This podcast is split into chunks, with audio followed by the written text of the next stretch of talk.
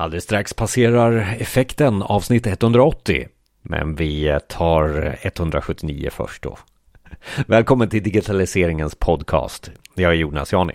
En liten tillbakablick då av de avsnitten som vi har haft och du kanske har missat. Vi pratade förra, i förra avsnittet med Microsoft om molntjänsten Azure.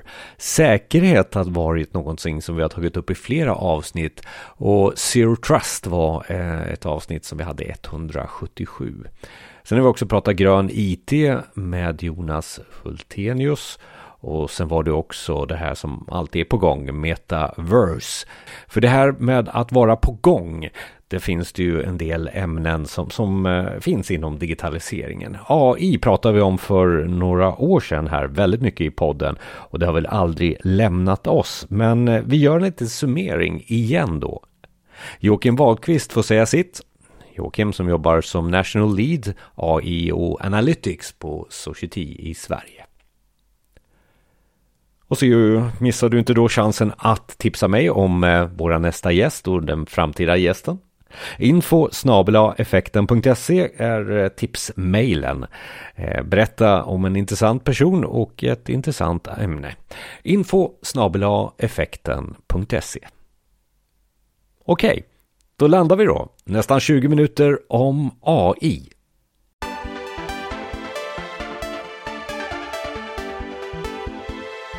Och eh, AI har vi haft som ämne för drygt två år sedan så var det många avsnitt av podden som handlade om AI. Och vi var lite nyfikna på statusen detta år och var vi är nu så vi bjöd in Jocke här. Och Jocke, välkommen till podden till att börja med. Tack så mycket, trevligt att vara här. Och vad är då statusen för AI? Och det är ju liksom en sån här bred fråga, men alltså, nu är vi här och jag refererar till att vi var någonstans på gång. Kanske jag kände att vi var för, för något år sedan. Eh, vi gjorde många avsnitt, det var mycket sådär. Så vad är statusen för AI just nu?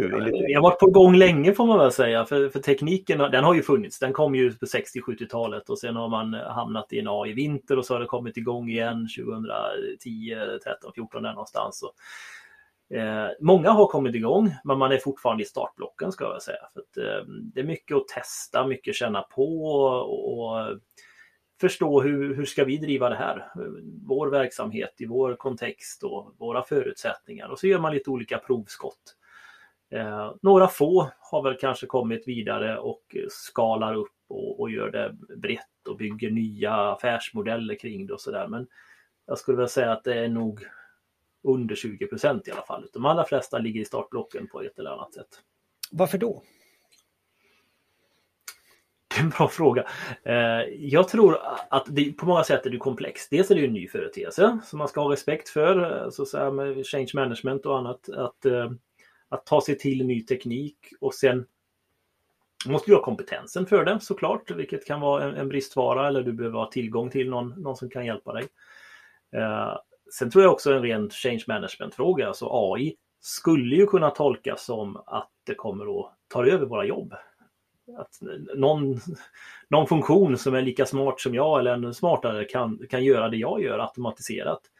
Och, och då kan man ju tänka sig vad, vad händer då med ja, någon som har gjort den här processen tidigare. Då? Eh, vilket jobb ska den ha? Så, jag tror det finns en liten rädsla och lite inbyggt motstånd ovanpå det klassiska motståndet som finns till förändring. Det, känner vi ju till att vi, vi vill gärna vara trygga.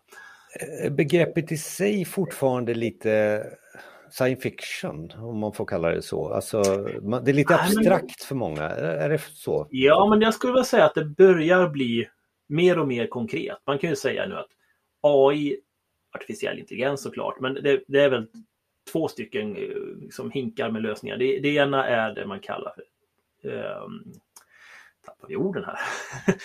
uh, machine learning. Mm. Det andra är deep learning. Uh, sen finns det ju andra statistiska analyser och annat runt omkring också. Men man kan säga att uh, jobbar vi med AI så brukar det vara machine learning eller deep learning. Och sen finns det olika lösningsområden då, till exempel textanalys, språkanalys som man brukar kalla för NLP. Natural Language Processing. Det är liksom en funktion eller en, en, en, mängd olika funktioner för att förstå tal till exempel. När jag och du pratar med varandra här så skulle man kunna ha en AI som kan känna av vad vi säger och vad vi menar och flika in med kommentarer eller frågor eller plocka upp dokument som, ska, som beskriver samma sak och så. Eh, sen har vi en annan eh, hink med funktioner. Det handlar om bildanalys. Eh, mestadels deep learning där också faktiskt för NLP oftast numera deep learning. Eh, och bildanalys, precis som det låter, vi kan analysera olika typer av scenarion med bilder. Eh, både vanliga liksom, RGB-bilder eller videoströmmar men även infrarött eller vad man nu kan tänka sig för, för typ av bilder som finns. Då. Eh, ja, och sen finns det ju väldigt många funktioner för att dra statistiska samband kan man säga. Eh, att se att någonting är på väg att gå sönder på grund av att det här har hänt och det hände tidigare när något annat gick sönder. Och så kan man se samband på det sättet. Jag kopplar lite eh, vidare till min fråga med, med, med, med science fiction och så där och så tappar vi ord och, och också här. Alltså vad jag menar med tappa ord i det här fallet är väl liksom också begrepp. Det är många begrepp som en, kanske en beslutsfattare ska få i famnen och, och, och ta beslut som man inte kan ta för, för begreppen är luddiga och det är många ord. Så. Ja. Är, det, är det också någonting du ja, det känner? Det finns säkert ett sådant perspektiv också att det, det, är ju ett nytt område och det är klart att om man backar hundra år och vi börjar prata om elektricitet och vi skulle ha det till våra verksamheter och maskiner och byta ut vad vi nu hade ångmaskiner innan kanske. Det är klart det blir helt nytt vokabulär, en helt ny teknik. Eh, ska vi kunna prata om det här och ta beslut och förstå vad vi ska göra och ha det till så krävs det en viss tid och en viss mognad att, att börja förstå när jag säger machine learning eller ML som jag till vardags eh, använder som förkortning. Att man bara förstår det. Man säger MLOps, vad betyder det? Ja, då blir det ju machine learning och så i drift då, operations. Och en massa sådana här ord som, som vi behöver lära oss och bli bekväma med. Jag kommer ihåg från de avsnitten som vi gjorde nu för några år sedan med AI att när vi diskuterade just eh, led, ledningsgrupper och ledares kunskap om AI så kom man också ganska så snabbt in på pengar att chansa med. Eh, de pengarna fanns mer i Kina och USA så det var en anledning till att Europa ligger lite efter. Är det någonting som du också känner så på, på den höga nivån? Här? Ja, jag skulle säga att det har förändrats lite hela narrativet kring det här med behovet av chansa. För man backar kanske 4-5 år så var det verkligen budskapet var så här. Jag trodde också själv att om du testar 10 idéer så är det fem som inte kommer funka och kanske två, tre som fungerar vettigt och en som blir riktigt bra. Lite grann så var, var känslan och, och tron vi hade. Därav man var tvungen till att satsa och testa och, och ha en, en, en budget för, för, att kunna misslyckas helt enkelt. Då. Eh, och det har ju hänt får man väl säga att projekt har misslyckats. Men jag skulle verkligen understryka att AI är, det är väldigt kompetent. Alltså har du ett problem som går att beskriva tydligt och du har framförallt data som krävs för att lösa det här problemet. Då finns tekniken och det finns kompetens som klarar av att göra det. Eh, det är väldigt få, jag skulle säga att det är omvända minst, alltså det kanske är en, möjligtvis två av de galna idéer vi kan komma på som inte går att göra för, genomföra. Eh, det det oftast ehm, finns ett, en utmaning kring som man måste jobba med mer långsiktigt, det är ju data tillgång till data, kvalitet på data så att vi kan liksom träna de här algoritmerna och få dem att, att göra det vi vill. Då. Eh, och det kan ju vara en, en, längre process men det är på något sätt omöjligt. Det är inte så att vi kan säga att ja, men det här var pengar i sjön, liksom. nu får vi börja om och göra något annat. Utan snarare, okay, vi måste kanske gå lite längre på den här vägen för att komma till målet. Då. Då, då, kommer vi ganska snabbt in på, på just det här med, eh, för att bli lite konkreta i exemplifierat, kanske inte vad det är som har misslyckats då, men vad det är som har lyckats och, och, och goda exempel som du ser och, och, och, har sett som är, ja men det där var bra och det där var bra i, i det här sammanhanget AI. Ja. Jag kan säga att vi, vi har ett, eh, ett samarbete med en kund som jag jobbat med i ett antal år nu som, som höll i, som verkligen började och så gjorde man en proof of concept på ett område. Det handlade om bildanalys och kunna analysera satellitbilder. Eh, och sen gjorde man en proof of concept till i lite annat område så kan vi se detta istället och så gjorde man en tredje och så stod man så att säga på sina axlar hela tiden och lärde sig, tog nästa steg. Till slut så var det inte POC längre för nu visste vi, det här går. Eh, utan då blev det en MVP, en minimum viable product, så att vi byggde någonting som fungerade. Ett litet system som man kunde liksom testa och så gjorde vi en pilot och tog med en kund som var liksom slutanvändare. Och sen har det här utvecklats i ytterligare steg till att faktiskt bli eh, ett riktigt erbjudande, helt digitalt AI-drivet erbjudande med omsättning in eh, baserat på, på AI och bildanalys. Då. Så att man har liksom haft en ledstjärna på något sätt lite långsiktigt och gjort ett antal steg på vägen, lärt sig, stått på sina egna axlar, tagit nästa steg och till slut under ja, kanske tre, nästan fyra års tid kommit till en liksom, riktigt bra position. Men, men var det goda exemplet, det exemplet här, var det goda i exemplet att de höll i? Eh, var det, eh, höll de i, i att det här går att göra någonting, var, eller höll de i pengarna så att de... Nej men de höll i äh, att det här går, vi ska fortsätta, vi, vi ska ta oss hit för att vi visste egentligen redan från början så att det här, det finns potential i den här tekniken. Det handlar ju om att jobba med, med verksamhetsutvecklingen runt omkring det, ska jag säga. Det, det är mycket det som har skett parallellt, liksom att, att hela tiden förflytta sig och förstå vad som går att göra och, och samtidigt prata med marknaden och förstå vad de har för behov och så ta in det och ta nästa steg i tekniken och så liksom växelköra det här för att kunna liksom utveckla någonting som på lite längre sikt då blir ett nytt erbjudande som är helt digitalt och AI-drivet.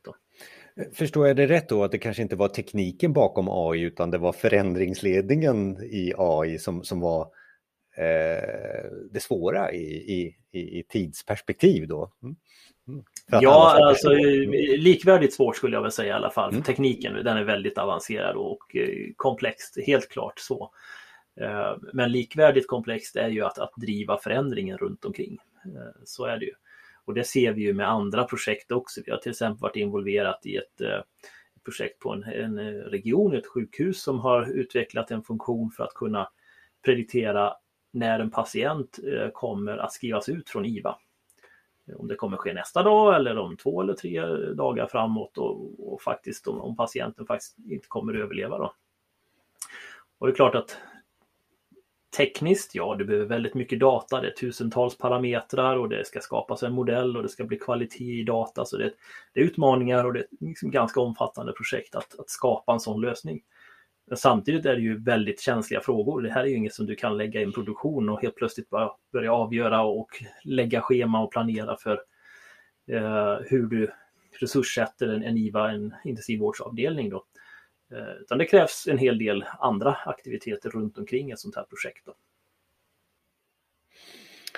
Vad var det som var framgångssagan där? Var, var det just eh, just ämnet kanske som, som tryckte på? Ja, Jo, jag kan tycka att, att dels våga göra någonting inom en, en, eh, en, klinisk process. Nu är det ju inte direkt kliniskt, det är inte livsavgörande så att säga, men ändå supporterande administrativt i, en klinisk process. Att, att använda AI så pass nära eh, kliniska processer, det, det, var ju mycket spännande och vågat gjort av den här kunden att ta de stegen. Då.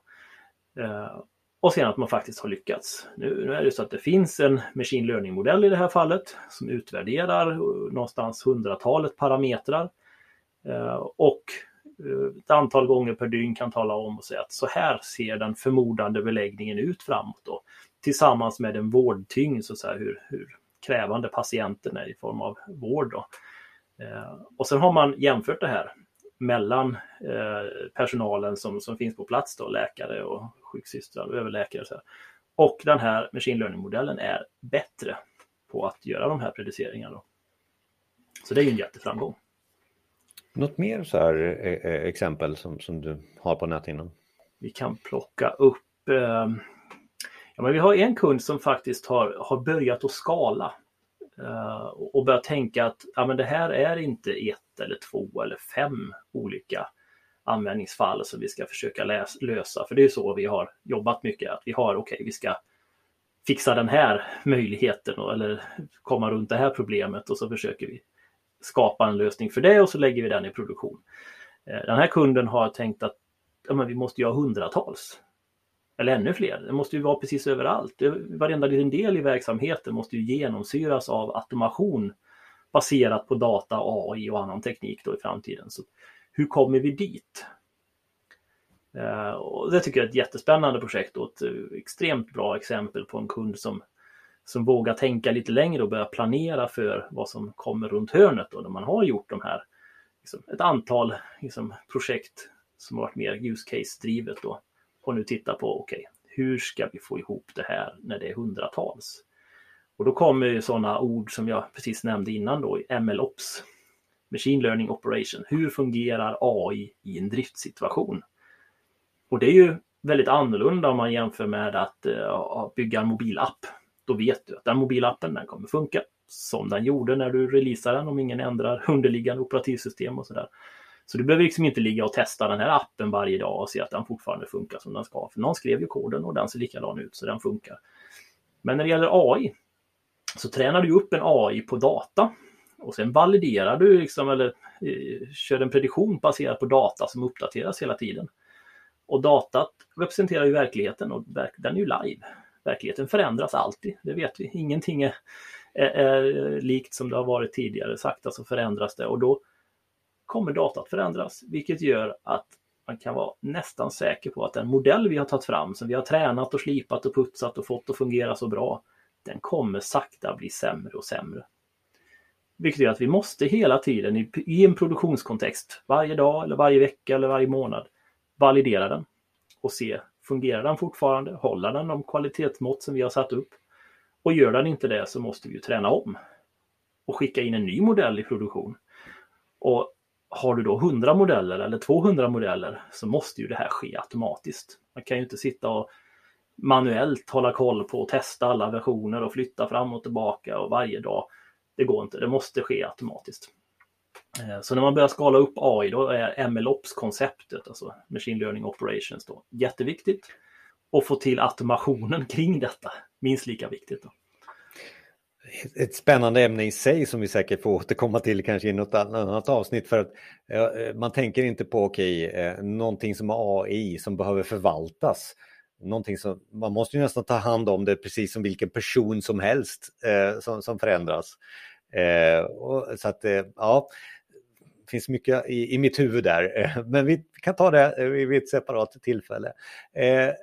för att vad jag vill komma till här på slutet är ju också lite så här, okej, okay, ja, men du har visat på, du, du har pratat lite om att vi är lite mognare i AI-sammanhanget. Det, det, är någonstans jag känner här. Men, men, men nu då? Alltså hur, hur gör vi så att vi inte gör om det här avsnittet igen om x antal år och känner att alltså, vi har inte kommit någonstans när det gäller AI. Det har vi gjort, men, men den känslan var ju där insteget i det här avsnittet att vad är det som har hänt då? Eh, så Jocke, och jag brukar alltid fråga så här på slutet också, vad, vad är det nu receptet på framgång? Om det finns något sådant, eller tankesättet i alla fall om eh, utvecklingen framåt. Mm. Ja. ja, det viktiga här tänker jag, första, det är ju att fortsätta. Att inte se att det här är en eh, one-off grej som vi, nu testar vi och ser om det här funkar, om AI är något för oss och sen lägger man det lite på hyllan. Utan det här behöver ju komma in i, i kulturen i organisationen, att vi måste bli bra på att använda data och automatisera på data. Och för att göra det så är en funktion är AI, kan finnas andra såklart. Eh, och att hela tiden sträva efter det och bygga in funktioner för det i verksamheten. Då. Och då skulle jag väl säga att man behöver finnas på tre arenor eller man ska uttrycka det. Dels en är att samla in data. Tillgängliggöra data, jobba med datakvalitet och ägandeskap, data governance kring data. Och det här är ju något många organisationer har hållit på med i decennier kring data warehouse och BI, liksom, få ordning på data. Nu, nu är det en ny våg eh, kring detta i och med att data har blivit så centralt då, så man brukar prata om modern data platform. Eh, I alla fall gör vi väldigt mycket det. Vi pratar om hur man ska skapa en modern dynamisk dataplattform som kan tillgodose många mer behov än bara rapportering och BI. Då. Så det är en, ett område man måste liksom fortsätta sin, sin strävan kring det. Det andra området är att jobba innovativt och försöka ifrågasätta och tänka i lite nya banor och säga, man skulle vi inte kunna göra så här? Vad, skulle det här vara möjligt? Kan vi komma runt det här problemet? Kan vi skapa en sån här affärsmodell? Att testa olika koncept och hålla i och hålla ut liksom och ta dem vidare tills man kommer fram till, ja men så här ska vi ju göra. Och tredje arenan är ju att se att det här kommer behöva skala. Vi behöver sätta strukturer eller organisationer, teknik, plattformar kring MLOps-koncepten om vi ska förenkla det. Då. Eh, och se att det är något vi måste starta och börja utveckla och få till en, en, en, kultur på samma sätt som du måste ha en kultur att du måste få ordning på data och se det som en strategiskt viktig tillgång och samma sätt som du måste ha kultur för att driva innovation och tänka nytt hela tiden så måste man också ha ett, få in en kultur av att vi ska försöka automatisera så mycket som möjligt. Så överallt ska vi tänka, kan vi få till den här repetitiva processen på något sätt automatiserat? Och då göra det, tänka liksom skala AI. Så de här tre områdena tror jag man behöver verka på, eh, se att de finns eh, och inte lägga dem på rad och tänka vi gör i ordning data först och sen börjar vi innovera, innovera och sen ska vi skala. Då har vi förmodligen, då får vi komma tillbaka om några år eller något decennium. Utan man behöver lägga de här parallellt och, och, och, det var väl det också som jag, som jag kände på ditt svar här. Alltså att, och det är kanske där som är det nya, att inte göra dem efter varandra utan egentligen starta alla tre strömmar samtidigt. Mm. Och se att de hänger ihop också för att det, det behöver ju inte vara tre helt parallella företeelser utan de, de, de centrerar ju kring data väldigt uh, snyggt faktiskt. Så att det, det, går att, att driva de här tillsammans. Men man ska samtidigt se till att inte få låsningar då så att man är tvungen till att göra det ena klart innan man kan ta nästa steg. AI är ju inte något lätt ämne att avsluta på bara 20 minuter, men, men om du fick bara så här på slutet eh, eh, sammanfatta vad vi har pratat om och kanske lägga till någonting som, som du vill säga så här på slutet. Ja, sammanfattningen är väl att se att AI, det är konkret. Det finns väldigt mycket konkreta case man kan inspireras av, vad som går att göra. Och det kommer finnas i er verksamhet också många konkreta case som man verkligen börjar grotta ner och se vad finns det för idéer och möjligheter här. Och sen behöver man kavla upp ärmarna och göra saker och hålla i. Eh, för det är en förändringsresa. Eh, tekniken kommer högst sannolikt kunna lösa det ni har framför er. Men sen så behöver ju saker runt omkring, verksamhet, processer, kanske ny affärsmodell skapas, vad, vad vet jag. Eh, så det gäller ju att hålla i och, eh, och driva den förändringen över tid. Och se att det här är tre stycken arenor då. Det handlar om data, det handlar om innovation och det handlar om att skala och få det på plats i någon form av produktionskontext. Då. Den som nu lyssnar på avsnittet och vill eh, eh kontakta Joakim så finns kontaktuppgifter till Joakim direkt i podcastspelaren i blogginlägget. Men eh, lite nyfiken, vad, vad, är det mer de får i, i blogginlägget nu? Vad har du referera till för länkar? Vad skulle du se framför, framför dig? Att det, vad, vad, vad skulle... Mm. Om man vill eh, få lite incitament så att säga till att börja jobba mer med AI så ska jag verkligen kunna rekommendera eh, den rapport som Capgemini-gruppen har gjort som heter The Data Powered Enterprise. Eh, där man pratar om värdet att bli datadriven. För det är det det handlar om på något sätt. AI är ju inte något självändamål utan det handlar ju om att automatisera på data och bli datadriven. Eh, och det finns fantastiska nyckeltal där. Eh, dels en liten all, eh, alarmerande signal om att det är bara 16 procent som man kan säga är datadrivna och har kommit dit. Så det finns mycket potential kvar i våra verksamheter. Eh, och så för att ta en, ett nyckeltal från det här att de som kan anses vara datadrivna, en av de här kunderna som är 16 procenten, de har 70% högre omsättning per anställd. Det är, det är mycket. Det är en väldigt stor förändring. Eh, och det finns väldigt mycket i den här rapporten som jag tycker är intressant om vilken resa som man kan driva och ha framför sig. Då. Intressanta siffror så vi avslutar det här avsnittet med. Eh, tack så mycket Joakim. Tack så mycket.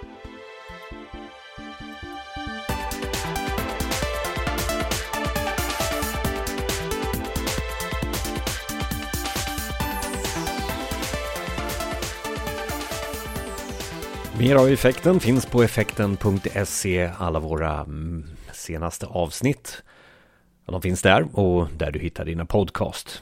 Och om du besöker effekten.se då kan du också ta del av effekten radio. 24 timmar om dygnet så pratar vi om digitalt och spelar musik då för fokus. Så effekten radio rekommenderar jag finns också en annan podcast som vi eh, publicerar. Den heter Tema digitalisering. Vi samlar då våra temaavsnitt i just en podcast. Och allting, ja, det finns på effekten.se. Tipsa oss också om nästa gäst, info effekten.se och sen så går du in också bland annat på Spotify och Apple Podcast och ger så många stjärnor som möjligt så kan vi eh, följa detta för att eh, se vilka ämnen och vilka gäster som har varit eh, bra för dig. För då kan vi välja mer utav de ämnen som du tycker är bäst. Jag är Jonas Jani och tillsammans med Micke Nobäck gör vi den här podden som vi kallar Effekten digitaliseringens podcast. Tills nästa gång, ha det så bra. Hej!